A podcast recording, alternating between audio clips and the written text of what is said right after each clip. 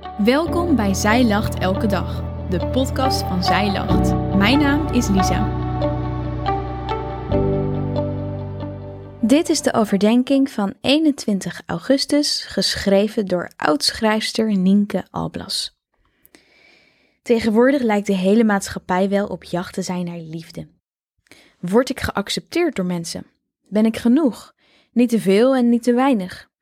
We zoeken naar bevestiging van onszelf in allerlei dingen, spullen en relaties. Door het gejaagde van de jacht vergeten we soms wat er echt belangrijk is, namelijk wat God over ons zegt. Maar wat zegt God dan? Geliefd zijn door God betekent dat we gekend, gepeld en geleid worden. Als ik dreig te vergeten wat de Vader over mij denkt, dan lees ik vaak Psalm 139, een psalm van David, waarin hij zijn hart uitstort voor de Heer en hem looft, omdat David weet wie hij is, dat hij gemaakt en gekend is door God. Hij eindigt echter het stuk met een gebed. Ik wil vandaag met je inzoomen op de laatste twee versen van dit loflied. Het staat in Psalm 139, vers 23 en vers 24. Doorgrond mij, o God, en ken mijn hart. Beproef mij en ken mijn gedachten. Zie of er bij mij een schadelijke weg is en leid mij op de eeuwige weg. Allereerst gekend. Doorgrond mij. De eerste vraag die David in Psalm 139 stelt aan God is om hem te doorgronden. We hebben allemaal ten diepste het verlangen om gekend te worden. In veel films, series en boeken wordt het beeld van liefde geschetst dat als je geliefde van elkaar bent, dat je elkaar dan kent. Dat je precies weet wat iemand denkt of voelt, zonder dat je dat hoeft te zeggen. Menselijke relaties werken helaas niet zo. Het is hard werken en je moet eindeloos met elkaar blijven communiceren. Een relatie met de Heer is wat dat betreft anders.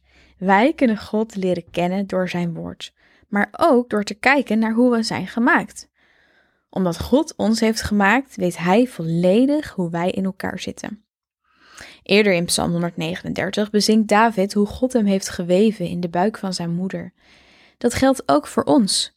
Vezel voor vezel zijn we door Hem gemaakt. In elk stukje van onszelf ligt een stukje van Hem. Iets wat Hij aan ons heeft gegeven. David zingt hier dat hij helemaal gekend wil worden door God. Dat hij van al die stukjes die hij van hem kreeg, geen enkel stukje voor zichzelf probeert te houden. David heeft het verlangen om te weten dat hij geliefd is. Hij vraagt God om zijn hart te kennen.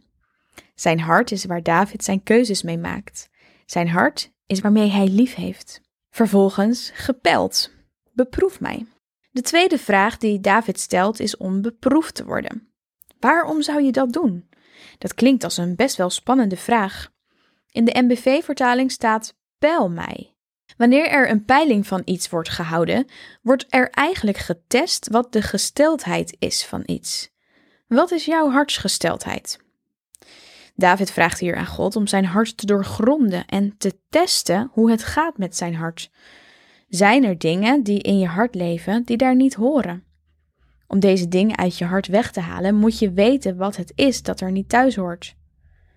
Eigenlijk vraagt David om aan te wijzen wat er tussen hem en God in staat. Dat mogen wij ook doen. Ook al is dit echter niet altijd even makkelijk en comfortabel. Maar als het je dichter bij Gods hart brengt, dan is het het waard, toch? Tot slot, geleid. Leid mij. De derde vraag die David stelt is om hem te leiden over de eeuwige weg.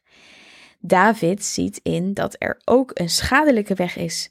Dit is een weg die niet goed is voor hem. In plaats van schadelijk had er ook een weg van smart of verkeerde weg kunnen staan. Een weg van verdriet. Wie doe je daar verdriet mee? Soms is het de schepping.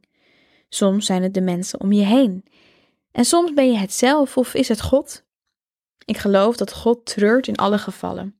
Ik geloof dat Hij het zonde, in de betekenis van jammerlijke verspilling, vindt, dat we in plaats van het eeuwige kiezen voor de andere kant. David verlangt naar het eeuwige. Een weg die niet eindigt, maar leidt tot oneindige aanwezigheid van God. Begint die reis dan als hij straks sterft? Volgens mij mogen en kunnen wij die weg nu al bewandelen, samen met Hem.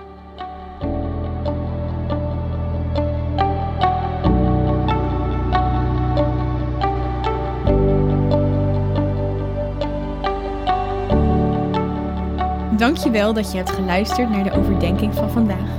Wil je de overdenking nog eens nalezen? Check dan onze website. Je vindt daar ook nog meer toffe dingen die jou helpen om de Bijbel vaker te openen. Zoals boeken, bijbels, cursussen en evenementen. Morgen ben ik weer bij je terug met een nieuwe overdenking. Tot dan!